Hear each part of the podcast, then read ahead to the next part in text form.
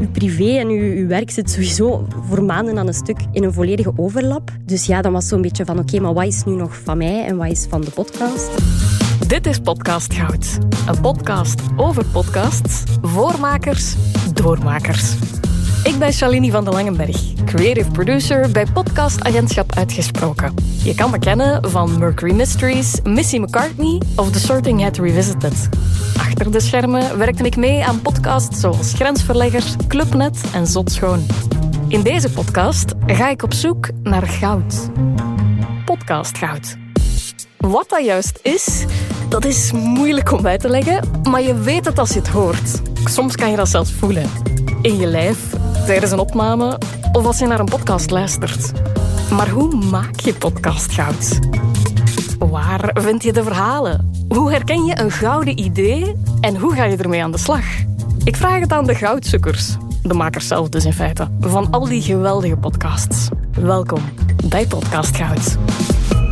Met Podcast Goud ben ik een auditief clubje gestart voor gelijkgezinden. Een podcast voor de mensen die, net als ik, lichtjes geobsedeerd zijn door podcasts en die even benieuwd zijn naar de tips en tricks van medemakers. Vandaag verwelkom ik twee nieuwe leden in mijn clubje om het te hebben over dat van hen. Sophie Steenhout en Ella van Hinde. Welkom allebei. Dank u. Hallo. Hallo. Ik heb het uiteraard over Club Angst, eh, een podcast voor Canvas waar jullie samen aan hebben gewerkt. Daar gaan we het vandaag uitgebreid over hebben, maar waar kunnen podcastluisteraars jullie nog van kennen? Um, ik ben podcastredacteur bij Studio Brussel en M&M, maar nog niet zo heel lang.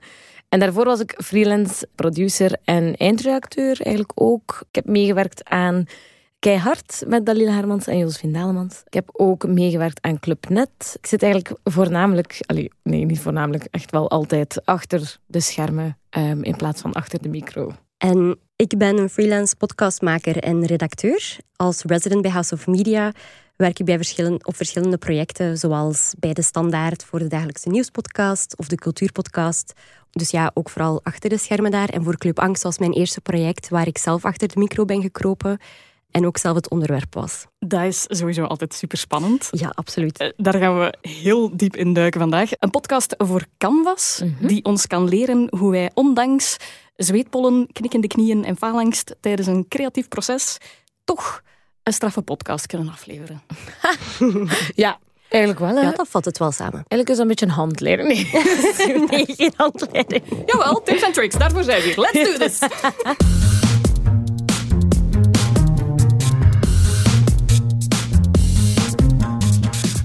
Ella, we beginnen bij jouw fragmentje. Eentje waarin Sophie duidt wie zij is en waar de podcast over gaat. Maar ook een fragmentje dat meteen een aantal stijlkeuzes laat horen. Ja. Die consistent zijn voor de hele podcast. Ik stel voor dat we eerst even luisteren naar de intro van aflevering 2. Hallo. Hey, hallo. Isabeau? Ja, ja kom hey, ik ben Sophie. Hallo. Het is op de eerste verdieping. Mijn naam is Sophie Steenhout. Op mijn zestiende had ik voor het eerst symptomen van wat later een angst- en depressieve stoornis bleek te zijn. En ik ben absoluut niet de enige jongere die dit meemaakte. Opvallend meer jongeren met emotionele problemen. Want er zijn er veel die zich echt niet goed voelen. Het waren zorgwekkende cijfers. We lijken me meer dan ooit. It's like anxiety is super trendy right now. Maar waar zitten die eigenlijk? Het zou wel tof zijn om een clubje te vormen. Gelijk Nigiro for Anxious People. It's not like a cult, is it? Op basis van mijn eigen ervaringen ga ik in gesprek met mede-angstigen en experts. Welkom bij Club Angst. We hebben een klein minuutje gehoord, nog niet zelfs. We weten ondertussen het wie en het waarom van de podcast. Sophie die last heeft van angststoornissen en een clubje wil starten om lotgenoten te vinden. Ja. En op die pakweg 50 seconden heb ik ook een vijftal, zestal geluidjes horen passeren. Dat is heel veel input per seconde. Hè? Je hebt ze geteld. Ik heb, ik, ja, vijf of zes, denk ik. Ja. Nu vraag ik me af hoeveel er in totaal in de hele podcast zitten. Oh. Veel. Um, nee, maar klopt. We hebben een bronnenlijst. Hè? Ja, dat is Dus waar. we zouden ze kunnen tellen. Ja, Dat is niet nodig. Nee. Want ik denk dat er al genoeg werk in is gekropen, of niet? exact. Um, nee, maar klopt uh, wat dat gezegd. We hadden al... Allez, Sofie had al van in het begin eigenlijk dat idee... Ik wil iets doen met zo popculture en, en referenties naar series en zo Want opzet van de podcast was ook, het is voor jongeren bedoeld. We willen ons echt richten op een jong publiek. En het is een heel moeilijk publiek voor podcast. Ja, het was eigenlijk inderdaad echt deel van de originele pitch. Omdat ik ook heel graag luister of kijk naar video-essays over film en cultuur. En zo dat hele intertextueel ook in de podcast brengen. En ja, ook omdat het echt een deel is hoe dat we als jongeren over angst praten online. Dus dat we ook op die manier ook in de podcast steken. Dat het niet echt gewoon een gimmick is, maar wel iets bijdraagt aan de voice-over. Ja, ik vind het heel opvallend. Je benoemt het ook gewoon echt, Ella, zo van we willen jongeren bereiken. Dat is geen makkelijke doelgroep. Ik vind het altijd gevaarlijk als mensen afkomen met we willen graag iets maken voor de jongeren. Omdat je dan altijd dreigt te verzanden in het marketingidee van jongeren. Ja. Zo iets met TikTok en al. En Ja. dat kan heel snel de mist ingaan. Heb je ook tips voor makers die zich op die doelgroep willen richten? Want jullie hebben die denkoefening zeer uitgebreid gedaan, blijkt. Ja, wij waren ook heel bang om plots de boomer te zijn. Die zo, allee, we gaan eens iets maken voor de jeugd. Eh, ja, tips. Ik denk, eigenlijk wat jij zegt, probeer het niet als een marketingtruc te zien, maar ook gewoon echt te denken, wat wil een jongere horen? En oké, we hebben dat proberen vertalen of doortrekken naar de vorm, maar het zit hem ook wel in uw interviews en de mensen met wie jij zit gaan praten aan die middelbare school en de taal die je gebruikt. Dus ik vind, om het nu te pinpointen op enkel die vorm, klopt niet helemaal. Maar dat is dan misschien ook de tip. Neem dat mee in elke fase van je project. Van oké, maar we hebben gezegd, we willen dit voor jongeren maken. Is dat nog steeds zo? En zijn we dat aan het vasthouden en zijn we die beloften aan het waarmaken? Ja, want ik denk dat het ook wel belangrijk is dat het ook wel gestart is vanuit het idee van ik wil iets doen met mijn verhaal en ik wil ook gewoon andere jonge mensen daarover informeren. Ja, de reden om jongeren te bereiken is niet van ah, we willen een jongerenpodcast maken, maar ook vanuit het verhaal dat verteld wordt. Van ja, dat zijn de mensen die hier het meest iets aan gaan hebben. Dus hoe kunnen we die vorm inderdaad op de inhoud gaan afstemmen in plaats van omgekeerd eigenlijk. En ik denk ook voor sommige luisteraars werkt het totaal niet. Kan ik mij perfect inbeelden. Is dat veel te druk? Ik kan mij echt helemaal inbeelden dat je denkt, "Hè, maar waarom zit jij jezelf de hele tijd aan het onderbreken? Maar ik vind dat werkt en dat we ook wel ja, geslaagd zijn in ons opzet ergens. Alleen was dat dus ook heel veel werk om dat te vinden. Hè? Ella, je benoemt het als een radicale stijlkeuze, hè, wat het ook absoluut is. Daarmee kies je voor vaart, tempo en een zekere edge, als ik het zo kan noemen, die je nodig hebt om dat onderwerp ook te brengen op een jonge, frisse manier. Ja, er is al over geschreven, maar altijd op dezelfde Ja. manier. Of, of content over verschenen, maar altijd zo serieus en zwaar.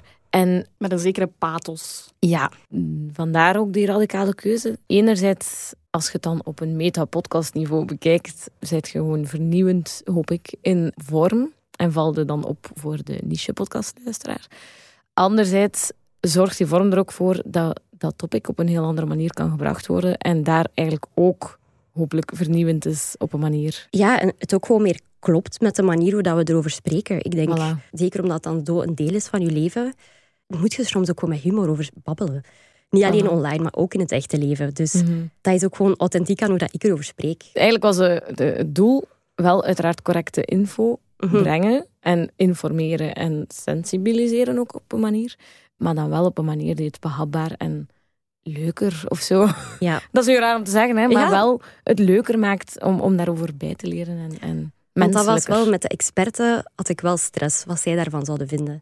Maar ja, ze waren allemaal heel enthousiast. Omdat ze ook wel merkten dat jongeren daar nood aan hadden. Ja, dat je ook eigenlijk weg moet van die wetenschapscommunicatie Ja. in een Mhm. zekere zin. En dat echt op een laagdrempelige manier, en in dit geval met die soundbites, moet proberen brengen om het te verpakken. Ja, want het is wat zij ook proberen te doen eigenlijk Ging in hun, zeggen, in hun ja. praktijk. Dat is schone aan dat onderwerp. Je bent allemaal aan hetzelfde zeil aan het trekken. Mhm. Dus eh, of dat je nu een keer iets zo doet qua vorm, ik kan me niet inbeelden dat die dan echt zouden zeggen van eh, nee ze. zo deze, nu is het niet meer serieus. Dus eh, ja. Alles voor de kids. Ja.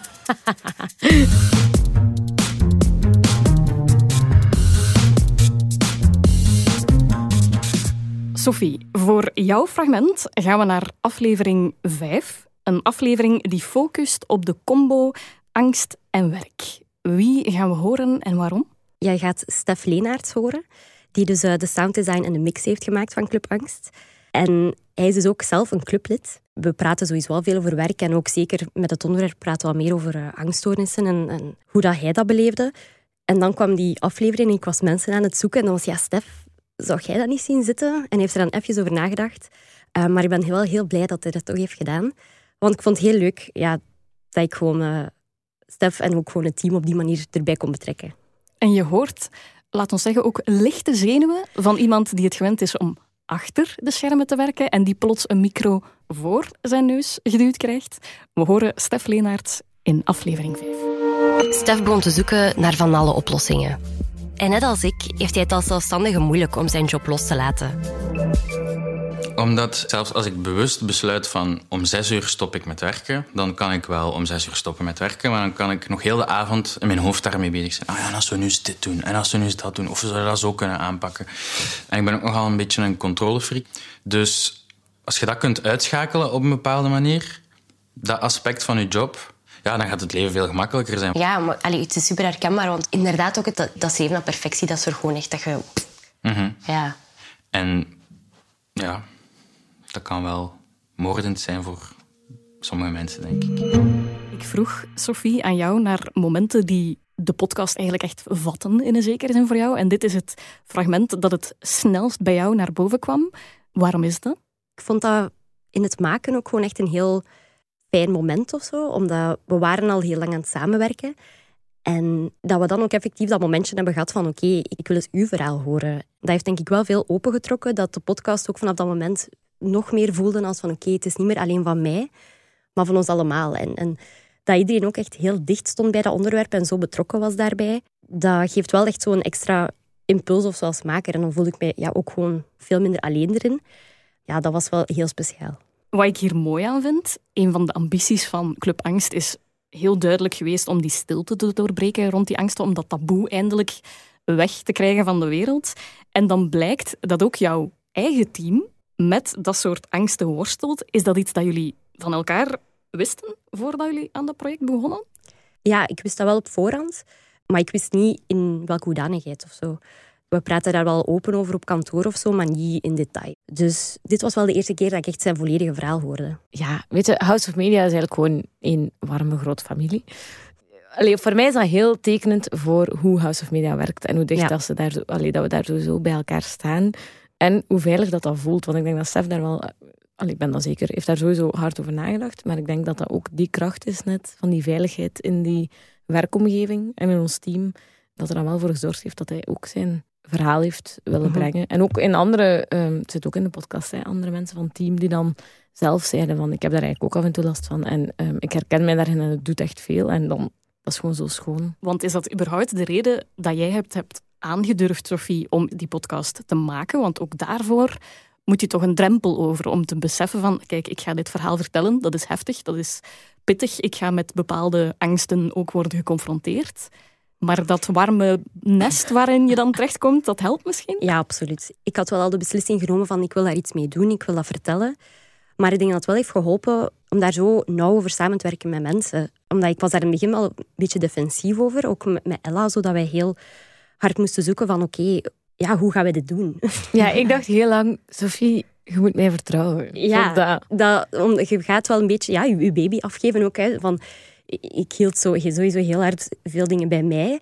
En dan, ja, stilkens aan voelde ik van, oké, maar ik kan wel hem vertrouwen hiermee, want we hebben al zoveel gesprekken gehad. En ze zijn zo hard mee met, met het verhaal wat ik wil doen. En iedereen zit eigenlijk op dezelfde lijn. Dus we hebben ook echt zo'n beetje gezocht naar hoe kunnen we dat hier doen dat dat veilig voelt voor iedereen of zo. En ja, al heel snel hadden wij gewoon een heel goede klik. Mhm. En was dan ook natuurlijk heel makkelijk om te zeggen van oké, komt goed. Heeft de inhoudelijke insteek er ook voor gezorgd dat jullie sneller tot dat soort gesprekken konden komen? Ja, dat denk ik eigenlijk wel. Alleen voor mij toch, want dat was van, van in het begin wist ik van oké, we gaan iets maken rond angststoornissen met een heel strakke deadline. En Sophie die het maakt, heeft natuurlijk een angststoornis. Dus je weet al op voorhand, dit hangt hier en dit is er en we gaan daarover moeten kunnen praten. Want als jij niet aan mij durft zeggen, dat gaat niet goed, kan ik niet de planning daarop aanpassen, bijvoorbeeld. Maar het dwingt je wel om heel snel op zo'n niveau te komen, inderdaad, van oké, maar wij moeten hier even doorbreken en wij gaan moeten praten over moeilijke dingen. Ja, en ik heb er zelf ook wel enorm veel van geleerd. Ook in een professionele context moet daar ook gewoon plaats voor zijn. Mhm. Zeker als het gaat over persoonlijke podcastprojecten. Hoe Ella dat heeft aangepakt bij mij, probeer ik nu ook te doen in mijn werk, nu bij andere mensen te begeleiden. Ook zelfs als het gaat puur over eindredactie. Als iemand zo'n persoonlijk verhaal aan het vertellen is, ik heb zelf in hun schoenen gestaan. Dus ik weet wel wat het betekent om feedback te krijgen daarop. En meer uitgaan vanuit het ding, wat heb jij nodig om dit te Mhm. maken, in plaats van te denken van, ah nee, dit is de deadline en en en, en. Het is zeker in zo'n persoonlijk project belangrijk dat die persoon zich echt wel veilig voelt om ja, te exploreren en soms gewoon ook gewoon te falen. Maar dan begint het moeilijke natuurlijk. En zeker in het begin dacht ik zo, oké, maar wa- hoe pak ik dat nu aan? Want hoe kan ik u nu bereiken zonder dat ik u wegduw? Want dat vertrekt bij mij natuurlijk ergens wel vanuit ah ja, onze planning. Want er staan monteurs ingepland, bijvoorbeeld, na een deadline van Sophie. Dus dat is heel praktisch. Ja. En bijna, dat zijn een pijnlijk contrast met ehm, de maker en de realiteit. Maar vandaar het komt wel mijn nood dat ik weet van ik moet dit gesprek voeren. Om dan te gaan vertalen naar hoe kan ik dat nu menselijk aanpakken, want dat is het belangrijkste. Ehm, Ja, en ik denk ook voor hen dat dat heel moeilijk was, ook omdat ze al heel veel momenten van mij hebben gehoord over mijn slechtste momenten al. Ja. Ze weten al, dan al een beetje van hoe dat, dat voelt voor mij of zo, denk Mhm. ik. En dan is dat wel heel lastig, denk ik, om dan... Ja, ook, maar ik was heel blij hoe dat we daar toen mee zijn omgegaan, hoe dat jullie daarmee zijn omgegaan, omdat je blijft altijd collega's. Je moet Ja. ook niet op eieren beginnen lopen. Nee, je moet Ja. niet op eieren beginnen lopen. En ik denk dat dat wel hetgeen is dat jullie niet hebben gedaan. mhm. En dat dat wel heel belangrijk is, gewoon dat je wel voelt van oké, maar we zijn hier wel nog altijd gelijkwaardig. Jij bent niet hier de baby dat wij moeten gaan opheffen en dragen. Nee, Eh, maar dat wel vanuit wel een oprechte bezorgdheid is van en ook van jij bent altijd belangrijker dan het project. Maar ja, we zitten nu eenmaal met deze realiteit. Hoe gaan we het doen? Mhm. Ja, voilà. Ja. En ik denk dat eerlijk zijn blijft ook gewoon echt een belangrijke. Want ik kan me inbeelden dat mensen in mijn positie dan vaak doekjes er rond zouden Mhm. winden of zo richting u. En in het begin heb ik dat zeker ook gedaan, omdat we dan nog niet helemaal op dezelfde golflengte zaten. Maar kwam ik ook tot de conclusie van, oké, maar als ik ergens doekjes om wind, heeft Sofie er ook al helemaal niks aan. Want jij moet ergens ook wel die realiteit meekrijgen. En ik moet u kunnen vertellen van, kijk, maar als jij dit niet doet, dan gebeurt er dit en dit en dit. Dus niet van, je mag dat niet doen, maar wel, laat mij gewoon op tijd weten als je een deadline niet haalt. Of als het even niet gaat, want dan, dan los ik het op voor u. Het enige dat jij moet doen is zeggen, Ella, help, en ik fix het wel. En jij moet niet bezig zijn met budgetten en planningen en alles dat verschuift. Dat doe ik dan wel. En ik denk, dat was even zoeken. Mhm. Maar doordat ik daar eerlijk over kon zijn naar u toe, dat jij ook beseft van, ah, maar daarom is het belangrijk dat ik daarover communiceer. Ja, ik denk vooral van dat is mogelijk om daarover te communiceren. Of daar zijn oplossingen voor mogelijk. Want dat is wel iets natuurlijk, als je met dat proces zit van oké, dit zijn de deadlines, dit is het budget. Heb je zoiets van ja, maar dat kan niet aangepast worden. Dus ik was eigenlijk gewoon ja, heel hard aan het werken, waardoor ik ook niks anders meer deed. En dan zo wat tegen die muur gelopen. En dan is zo wel het ding van ja, kan ik dat überhaupt zeggen? Is daar überhaupt ruimte voor? En is dan ook het nuttig dat ik dit vertel? En dan is ja, het wel tot het punt gekomen dat het niet anders gewoon kan. En dan is het gewoon van ja, oké, het is uiteindelijk wel gelukt om verder te blijven doen. Terwijl, als ik het misschien niet had gezegd en als we daar niet open konden over communiceren, dat het gewoon was geweest, ik die gewoon echt oud was. En ik denk dat dat wel het grote verschil is van daar open over te communiceren en dat er altijd een oplossing mogelijk is. Dat dat wel een belangrijke is in zo'n proces. Ja, ik denk, wij kwamen gewoon allemaal ook van eerder een chatcast-achtergrond of Ja. iets dat je in de studio opneemt. Dus je rekent gewoon in, ah ja, redactiedagen, hoeveel research heb je nodig? Je doet één voorgesprek, je weet wat dat er komt, je interviewt iemand, klaar. Dus je denkt, oh ja, voor zo'n één aflevering, hoeveel mensen gaat je interviewen? En dan, oké, dat is dan zoveel research, bla bla bla. En een voice-over inlezen, ja, dat is een halve dag. Maar al dat persoonlijke komt daarbij, dat is gewoon maal twee, minstens. En Ja, dit ja. was voor ons, zowel voor Media als VRT, als voor ons, een enorm leerproces. Je benoemt zelf ook dat je in een sector zit die in dat opzicht erg uitdagend is natuurlijk. Ja. Niet alleen als maker, maar ook als zelfstandige. Heb je sinds die samenwerking meer tools opgepikt om dat werk draaglijker te maken? Goh, ja, niet echt nieuwe tools. Het was inderdaad, zoals ik zei ook in die aflevering, echt vooral heel veel reminders. Eh, de dingen die dat mij in het verleden hebben parten gespeeld, dat toen ook enorm opkwamen tijdens het maken. Waaronder geen tijd meer nemen naast het werk om gewoon de andere delen van mezelf te zijn. En dat is, ja, wat dat Stef ook vertelt, superbelangrijk. Wat ook hem enorm heeft geholpen. Van, je bent niet alleen dat creatief wezen en je moet niet constant ook dingen maken. Je kunt ook gewoon allee, de andere dingen van je leven exploreren. En ik denk dat dat wel een heel belangrijke is voor mij ook. Dus doe niet alleen je job. Je kunt ook gewoon zijn. Ja, gewoon zijn. Ja, en ook vooral gewoon andere interesses gaan exploreren. Want het is inderdaad omdat dat dan zo'n grote passie is, dat je daar sowieso al heel veel tijd aan spendeert. Maar dat er ook gewoon andere delen zijn dat je misschien nog niet hebt ontdekt. En dat ook wel misschien zelfs een obsessie kunnen worden. Dus voor iedereen die nu te hard in de podcastniche zit, ga even buiten spelen. Ja, exact. Doe de rolschaatsen aan. Voilà.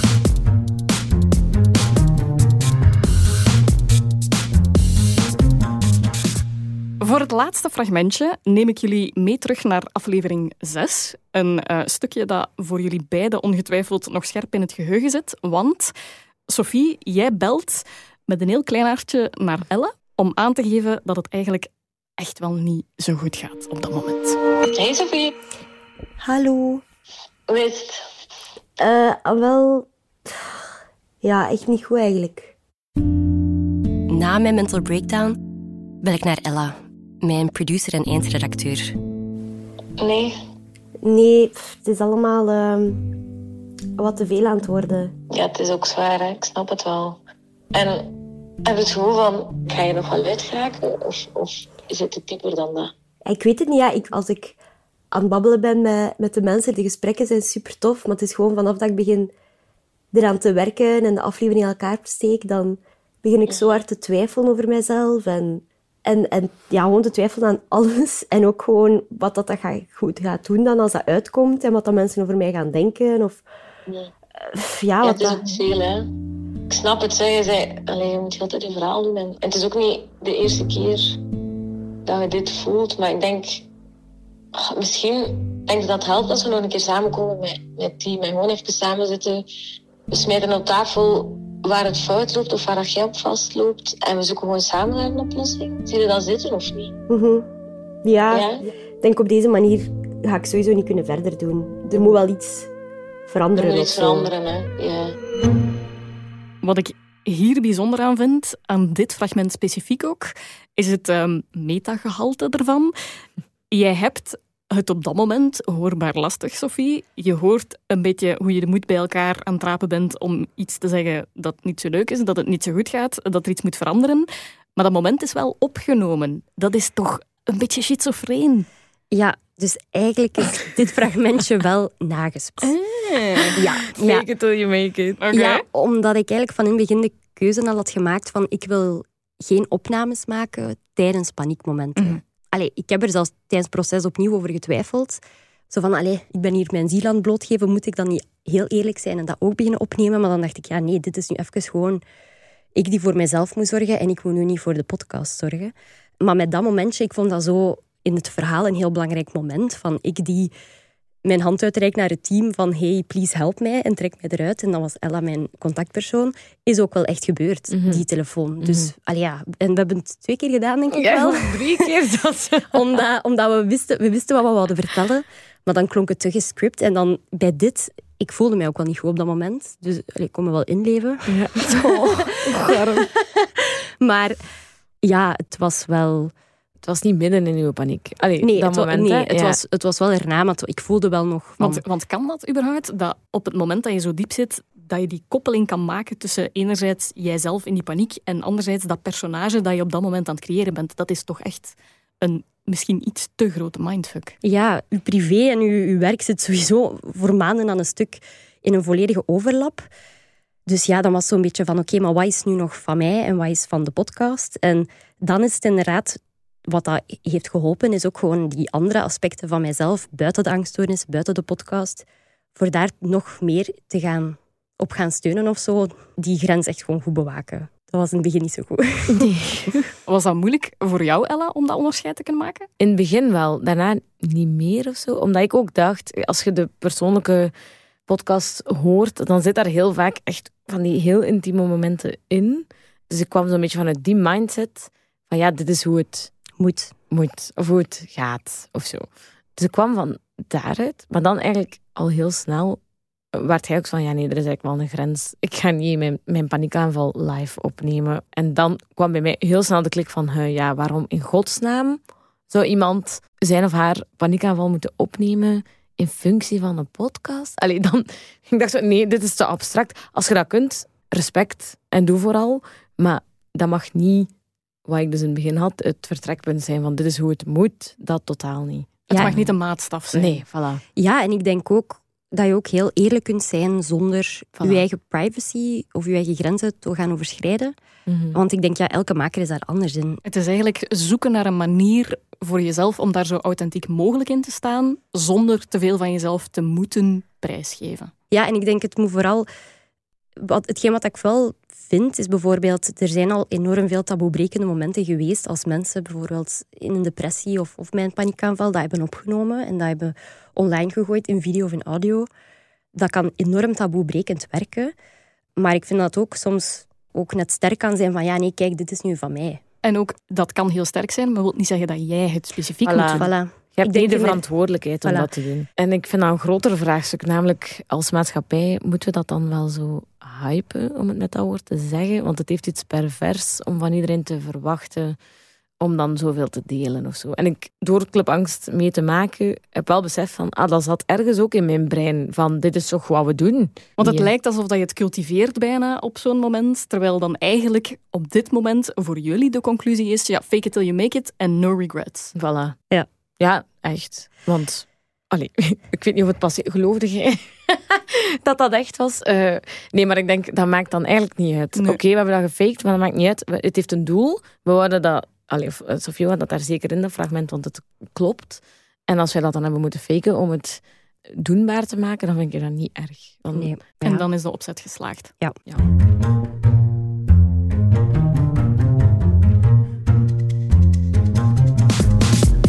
Authenticiteit en openheid, dat is wat ik voorlopig al meeneem als gouden tips voor goede podcast als ik jullie zo bezig hoor. Ik vermoed dat jullie eigen podcast-tips dat ook reflecteren. Sophie, welke podcast moeten we volgens jou absoluut gehoord hebben en waarom? Goh, ik weet niet of je absoluut moet luisteren, maar ik vond het enorm interessant tijdens het maken van Club Angst. En dat was Dissect. Dat was een achtdelige serie over de comedy special van Bo Burnham Inside. Dat was ook van hem een heel persoonlijk verhaal, maar ook wel heel grappig gemaakt. Dus op een luchtige manier over een moeilijk onderwerp praten. Wat ik dus ook aan het proberen was. En ook qua storytelling zat dat heel goed in elkaar. Um, en ik heb daar heel veel naar geluisterd, hoe dat ook hij zichzelf dan als personage is gaan bekijken. Um, en dat was super interessant, omdat ik dan ook dat zelf kon toepassen van oké, hoe wil ik dat hier nu eigenlijk aanpakken in deze podcast? Um, dus dat is mijn tip. Daarnaast uh, luister ik ook vaak naar fictie en ook als D&D-fan luister ik ook vaak naar eigenlijk gewoon audio van mensen die D&D uh, spelen. En mijn favoriet daarbij is uh, Dimension 20. Alright, een Natural 20 podcast. Uh, die wordt genoteerd. Ella? Um, mijn podcasttip is Dit kan geen toeval zijn, van de Volkskrant. Die er trouwens nog een heel goede hebben. Die heet Een soort God. Het is non-fictie en het gaat over een man die ervan overtuigd is dat de geheime dienst het op hem gemunt heeft. Voilà. En dat is eigenlijk het vertrekpunt. Um, het is echt gebeurd, het is een echte man. En die journalisten gaan uitdokteren. Oké, maar waarom denk je dat? Wat is er gebeurd? En kan dat eigenlijk? Want dat is de geheime dienst. Dus het doel is ook dat jij niet doorhebt dat de geheime dienst achter aan zit.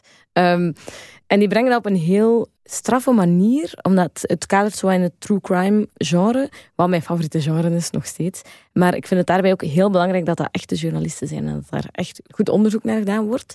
En dan is, wordt het moeilijk, want soms hebben dan de journalisten die gewoon de micro aanzetten en beginnen te tetteren en eigenlijk niet zo goed storytellen. En dan heb je de podcastgoudmakers, zoals de Volkskrant, die beide doen, strafonderzoek en dat dan storytelling gewijs zo goed brengen. Dus voilà, dat is denk ik ja, toch wel een grote podcast. Je hebt hem goed verkocht, hè? Oké. Dus um, dit kan geen toeval zijn van de Volkskrant als ultieme luistertip van Ella en Dissect. En zeg hem nog eens. Dimension 20. Dimension 20 als ultieme aanrader. Maar zet die uiteraard pas op je luisterlijst. Nadat je de acht afleveringen van Club Angst hebt gebinged en de eerdere afleveringen van Podcast Goud, waarin ik ook met andere makers duik in hun tips, tricks en learnings aan de hand van een specifieke toppodcast. Ella, Sophie, ongelooflijk merci om ook hier zo openhartig te zijn en jullie ervaringen te delen rond Club Angst. Dat is heel graag gedaan. Graag gedaan. En vooral merci voor de uitnodiging. Daarmee zijn we aan het einde gekomen van deze aflevering. Ook volgende maand zit je hier goed voor een deep dive in het schoonste wat de podcastingwereld te bieden heeft. Abonneren is dus de boodschap om daar niets van te missen. Bedankt om te luisteren en heel graag de volgende aflevering van Podcast gaat.